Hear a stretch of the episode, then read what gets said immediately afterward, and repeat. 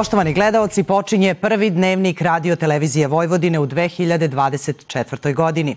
Želimo da vam nova godina svima donese zdravlje, uspeh i sreću. Ja sam Marina Sabadoš, a ovo su najvažniji naslovi. U godinu smo ušli sa željama za mir, zdravlje i prosperitet. Prve bebe donele sreću. Zemljotresi u Japanu najsnažniji bio jačine 7,6 jedinica Richtera, poziv građanima na hitnu evakuaciju. Od danas veće plate, penzije i minimalne zarade. Najbolji ski skakači sveta na drugoj stanici turneje četiri skakaonice u Garmisch-Partenkirchenu.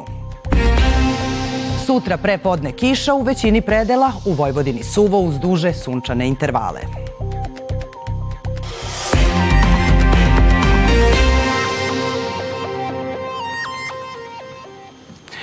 U novu 2024. godinu zakoračili smo u veseloj atmosferi. Na trgovima, u ugostiteljskim objektima i u svojim domovima. U Beogradu su najposećenija mesta bila gde su nastupale muzičke zvezde, Trg Republike i Sava promenada. Veselo je bilo i u Novom Sadu, Subotici i drugim gradovima, a želje su bile svuda iste. Da nam nova godina donese zdravlje, sreću, napredak. U okviru jedinstvene proslave, koja osim što spaja dve nove godine, povezuje i dve vrste umetnosti, izvođačku i vizualnu, umetnici su za sve koji su se zatekli u Novom Sadu ostvarili novo izdanje Tesla svetlosne galerije u podgrađu Petrovradinske tvrđave, gde su na tribine u 2024. domaćini i gosti ušli uz nastupe Elementala, Party Breakesa, Bučke Esidija Ljubičica. Umesto vatrometa sat na Petrovradinskoj tvrđavi u ponoć star tri veka doživeo istorijsku prekrednicu, obogaćen različitim audio audiovizualnim efektima. Sve najbolje svima ljudi. Svim ljudima evo i u pozdravi u Novom Sadu i u Banja Luci poželio bi prije svega puno zdravlja, sreće i veselja. Subotičani su novu 2024. godinu dočekali uz majstore trube, orkestar Bovana i Marka Markovića koji nastupao na Trgu Slobode. Da bi najluđu noć dočekali baš u Subotici na sever Bačke, stigli su i brojni gosti iz svih krajeva Srbije kao i Turske, Bugarske, Mađarske i ostali zemalje u okruženju, pa su popunjeni svi smešteni kapaciteti u hotelima u Subotici i na Paliću. Sve što želim sebi i svojim bližnjima je zdravlje i sreća sve ostale manje bitni, sve ostale će biti zdravlje i sreće, sve će ostalo nekako doći. Ja iskreno od srca želim mir. Svima, onako ljudi da pronađu neki mir, neki spokoj. Uz nekoliko DJ-eva koji su podigli atmosferu svojim hitovima i muzičkim miksevima, u sate neumorne zabave i plesa, Sremci su dočekali novu godinu pod vedrim nebom na trgovima. Ljubitelji klizanja odobrali su da od 2024. uđu uživajući u magiji leda i zabave na gradskom klizalištu u Sremskoj Mitrovici. Vatromet i pirotehnika Uzvici i Zdravice označile su početak nove 2024. godine u Beogradu. Komšije, prijatelji i poznanici nakon podnevnog druženja i pozdravljanja u svom kraju uz vatromet i muziku otišli su na odabrano mesto i odabrano društvo s kojim su dočekali ponoć. Za nekoga je to bio Trg Republike, za druge tradicionalni spektakularni vatromet u Beogradu na vodi. Novogodišnji spektakl sa kule mogao se vidjeti u svim delovima grada. Predsednik Srbije Aleksandar Vučić čestitao je građanima Srbije novu godinu, rekavši da je 2023. godina bila teška i izazovna ne samo za Srbiju, već i za ceo svet. Ipak, sa nadom i snagom kakvu ima redko koji narod, naša zemlja odlučila i potvrdila da nema stajanja. Dobili smo ogromno poverenje građana kako bismo nastavili da gradimo osmeh naše Srbije. Ulažemo u obrazovanje, nauku, zdravstvo, infrastrukturu i opšti razvoj, sarađujući sa svima uz očuvanje tradicionalnih prijateljstava. Srećna nova godina. Prva beba koja je rođena u novoj godini u Novom Sadu je dečak Milan Marić, koga je obišao i darovao gradonačelnik Milan Đurić. Iz gradskog budžeta za prvu bebu je izdvojeno 300.000 dinara, a svako naredno novorođenče dobiće 200.000 dinara. 29-godišnje novosađanke Kristini Marić i njenoj porodici 2024. godina počela je najlepšim poklonom. U 2 sata i 27 minuta prirodnim putem rodila je malog Milana, teškog 3 kg i 650 grama i dugačkog 49 cm. Sve u najboljem redu, da. Evo Milanča vidimo, mirna bebica. Pa dobar je za sad i ja isto se nadam. Dobro, je bio težak porođaj? Nije, nije. Sve je teklo u najboljem redu i veoma brzo se sve prošlo. Milan je bračan paru Marić drugi sin. Kako je u izjavi RTV-u rekla Kristina, pet godina stariji Goran, uz okićenu jelku, željno iščekuje svog brata i majku da budu otpušteni iz bolnice. U prvim satima nove godine u Novosadskoj Betani začula su se još tri plače radosti i novog života.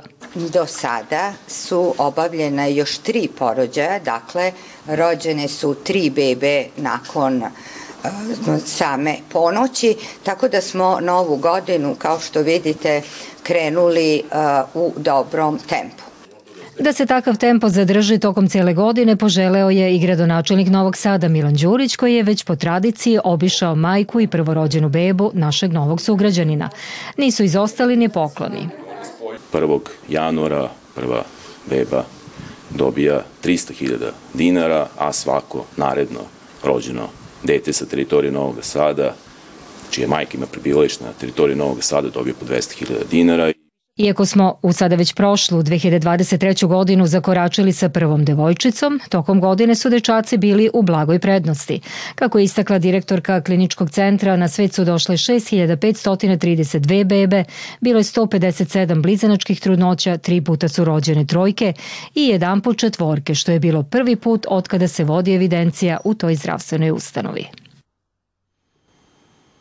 Širom sveta dočekana je nova godina. Prvi su u 2024. zakoračili stanovnici pacifičkih država Samoe i Kiribata, a poslednji novu godinu dočekuju stanovnici američke Samoe, Havaja i ostrva Howland. Nakon najistočnijeg ostrava Kiribata, poznatog i kao Božićno ostrvo, Nova godina stiže na Novi Zeland, a zatim u Australiju, gde je ulazak u 2024. obeležen tradicionalnim vatrometom nad Sidnejskom operom. Posle najmanjeg kontinenta slede Japan, Severna i Južna Koreja, a zatim Kina, Hong Kong, Malezija, Singapur. Drugovi, prijatelji, dame i gospodo, pozdrav svima.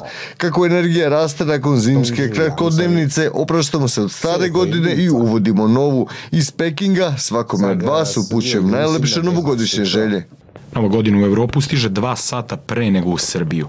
Ulazak 2024. sinoć u 22 časa proslavili su u Moskvi, sad kasnije u Helsinkiju, Kijevu, Bukureštu, Atini, da bi na red došao i najveći deo starog kontinenta koji je u centralno-evropskoj vremenskoj zoni.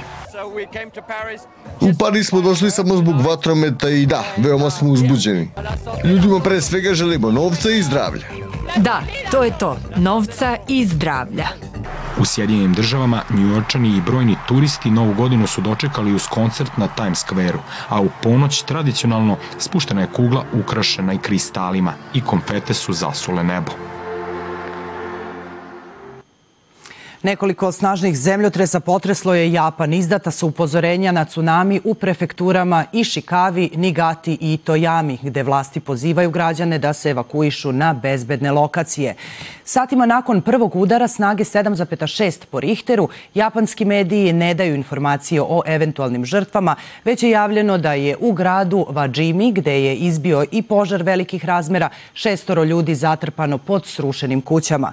Bez struje ostalo je 36 6.000 domaćinstava, a nema opasnosti za nuklearne elektrane.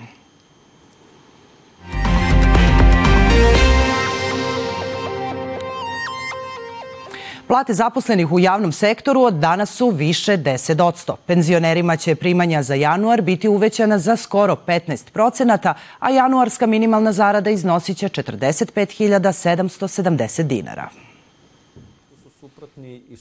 Ministar financija Siniša Mali kaže da je inflacija na putu da se spusti na predkrizni period i da iznosi 2,5 do 3 odsto.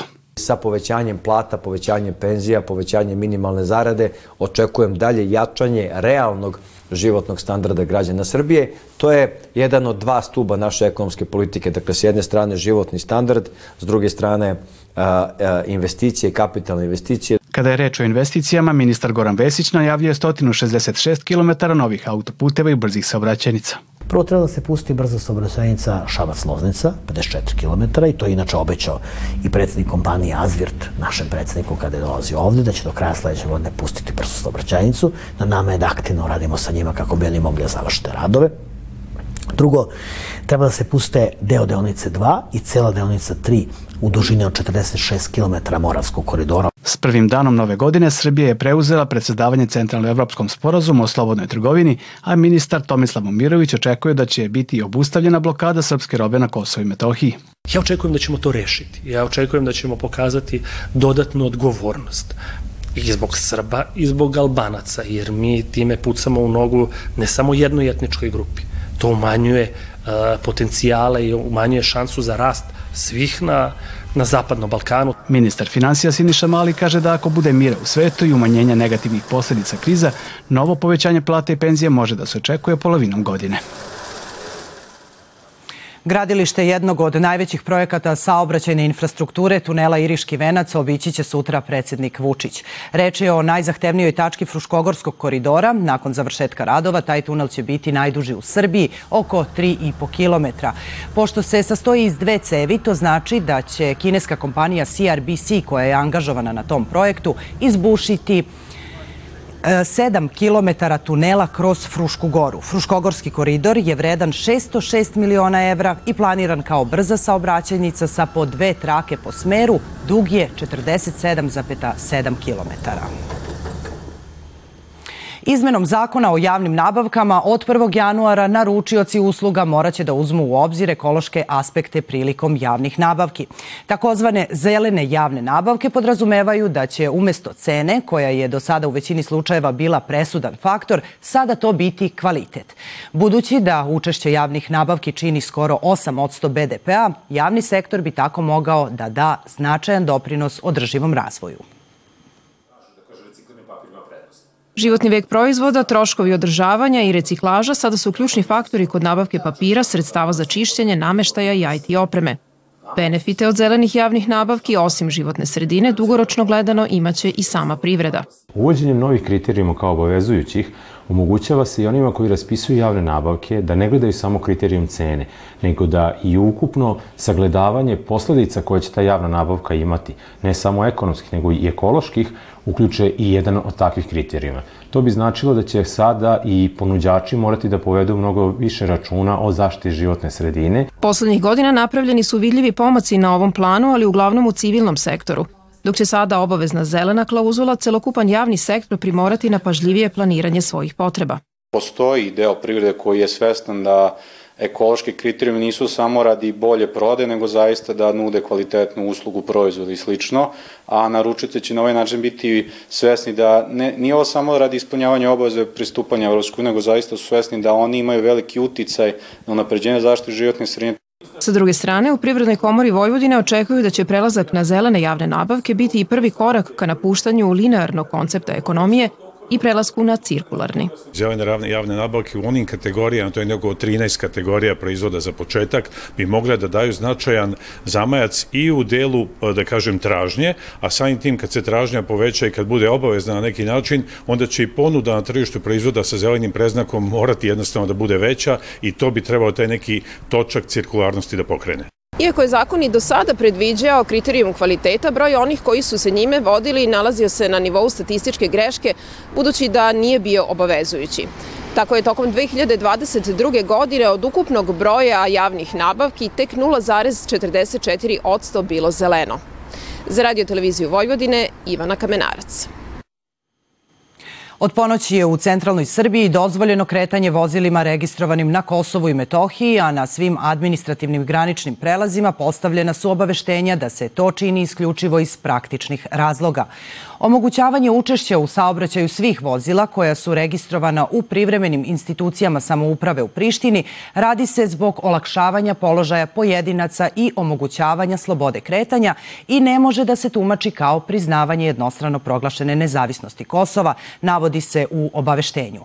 Tom odlukom vlade Srbije ne prejudicira se određivanje konačnog statusa Kosova i ne može se tumačiti kao pristanak Beograda na odstupanje od prava garantovanih usvojenih rezolucijom Saveta bezbednosti Ujedinjenih nacija 1244, navodi se u tekstu disklejmera.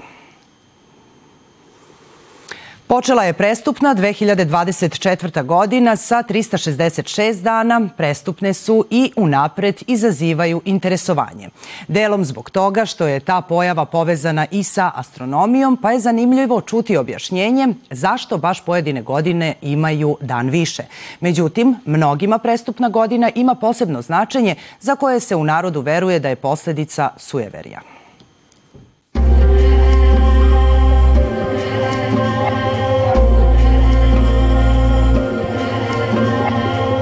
Zemlja napravi punu rotaciju oko Sunca za 365 dana i 6 sati. Upravo tih 6 sati su razlog zašto postoje prestupne godine. Kalendarska godina usklađuje se sa astronomskom kako se ne bi desilo da nova godina padne u leto, a to se postiže tako što se svake četvrte godine dodaje jedan dan. Gregorijanski kalendar ponavlja se u ciklusu od 400 godina, što znači da se posle toga za svaku godinu ponavlja kalendar sa istim rasporedom datuma i dana u nedelji kao i u kalendaru od pre 400 godina. Ako imate, e, ako poredite kalendar koji je koji važi za 2001. godinu, isti kalendar sa istim rasporedom dana će važiti i 2401. godine. E, a u tom periodu od 400 godina imate 20, 97 e, prestupnih godina. Kako znati koja je godina prestupna? Ako su poslednje dve cifre deljive sa četiri, tada je prestupna godina. Godine koje označavaju kraj veka izdvojene su od ovog pravila. One moraju biti deljive sa 400 da bi bile prestupne. To pravilo glasi e, prestupna godina je svaka ona koja je deljiva sa 4 izuzev ako je deljiva sa 100, a i od toga postoji izuzetak ako je deljiva sa 400. Evo sad koliko je jednostavno. Jedan dan više dodat je drugom mesecu, pa je stoga baš taj 29. februar karakterističan mnogima koji su upravo tada rođeni. Na svetu ih ima oko 4 miliona, a verovatnoća da će se neko dete roditi baš 29. februara je 1 naprama 1500. Međutim, to nije jedina zanimljivost. Postoje verovanja da se tokom tih godina ne treba venčavati, pokretati važne poslove ili saditi voće. Da li za vas nešto posebno znači što je 2024. prestupna godina? Jedino po tome što se olimpijske igre održavaju tako, ako se ne varam. Pa eto, ja pratim sport, pa možda zbog toga. Vi ste razmišljali o tome? Pa nisam. Nikakvo značenje nema za vas? Pa nema. Ne očekujete ništa posebno u toj prestupnoj godini? Pa jedno da idem u penziju. Da. Sjajno i čestitamo. Hvala. Ne, zaista, kao i svaka druga. Nekima kao i svaka druga, ali kalendar pamti i važne događaje. Prestupne 1980. preminuo je Josip Broz Tito. Ekonomska kriza počela je prestupne 2008. A na pragu 2024. poželimo da verovanje o nesrećnim prestupnim godinama ostane samo to. U muzejima i galerijama Novog Sada tokom 2023. priređen je veliki broj izložbi. Može se reći da je godine nakon što smo bili Evropska prestonica kulture, bez obzira što je taj zamah prošao, donela jednakim intenzitetom veliki broj zapaženih izložbi. Izdvojit ćemo nažalost samo neke koje su svojim raskošnim postavkama privukle veliko interesovanje javnosti. Kako danas vidimo epohu koja je obeležila kraj 19. i početak 20. veka, koje su sličnosti na izgled dva različita umetnika, jednog iz Beča, drugog iz Vršca, i kako su oni spojili tri muzeja u jednom izložbenom prostoru. Pitanje su na koje odgovore dala izložba u galeriji Matice Srpske, Paja Jovanović i Gustav Klimt, jedna epoha, dva umetnika, tri muzeja.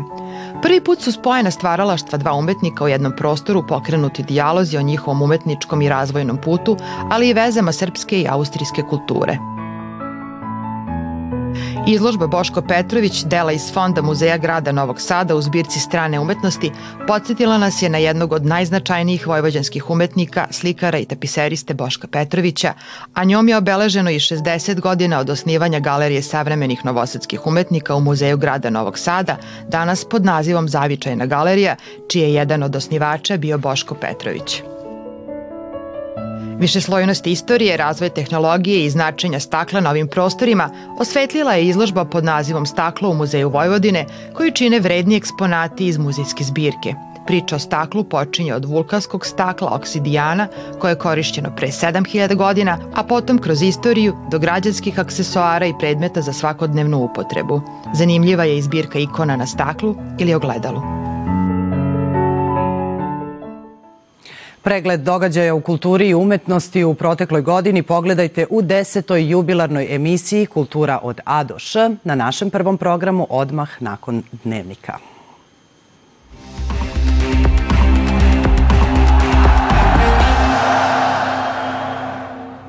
Rade na početku godine najaktivniji teniseri. Vrime jeste, prošla godina se uspešno završila, nadamo se da će početak biti isto tako uspešan.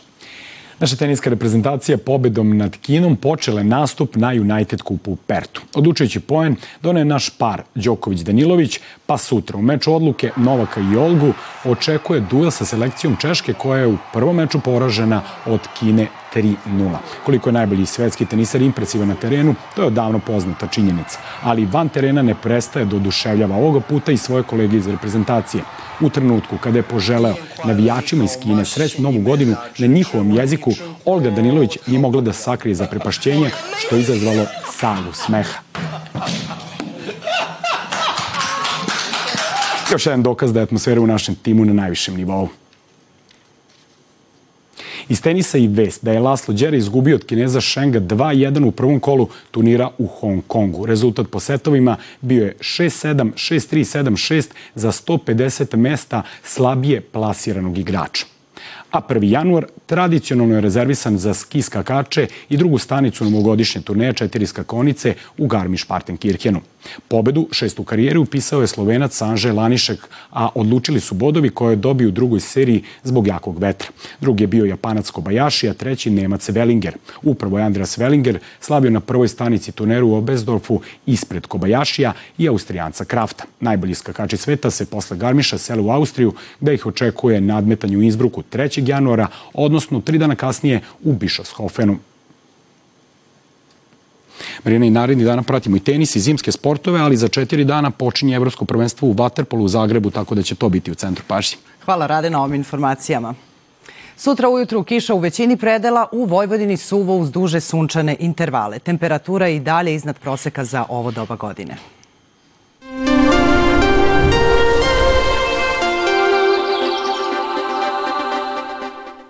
Početak 2024. godine u našoj zemlji obeležit će promenljivo vreme, ali i dalje uz temperaturu iznad proseka. Sutra ujutru kiša u južnim i jugoistočnim predelima. Na severu i zapadu Srbije duži sunčani periodi, dok se razvedravanje u svim krajevima očekuje u toku dana. Duvaće umerena košava. Jutarnja temperatura od 0 do 5 stepeni, a dnevna od 9. do 13. podeljka. Uveče bez padavina. U sredu i četvrtak ostaje toplo u smenu sunca, oblaka i kiše. Sneg je moguć na visokim planinama. Najviša temperatura oko 14 stepeni. U petak pretežno suvo uz duže sunčane intervale, dok za vikend meteorolozi najavljuju ponovo promenljivo vreme uz padavine, ali i temperaturu iznad proseka za početak januara. Vreme darivanja nije završeno dolaskom nove godine. 1. januarskog dana Deda Mrazevi su obradovali decu u gospodjincima u opštini Žabalj. Viđali smo ih kao motoraše, kamionđije, vatrogasce, a danas su Deda Mrazovi traktoristi. Delili paketiće deci koja su se zatekla na ulicama. Ovo je druga godina zaredom kako meštani gospodjinaca organizuju akciju u kojoj su podelili 750 paketića.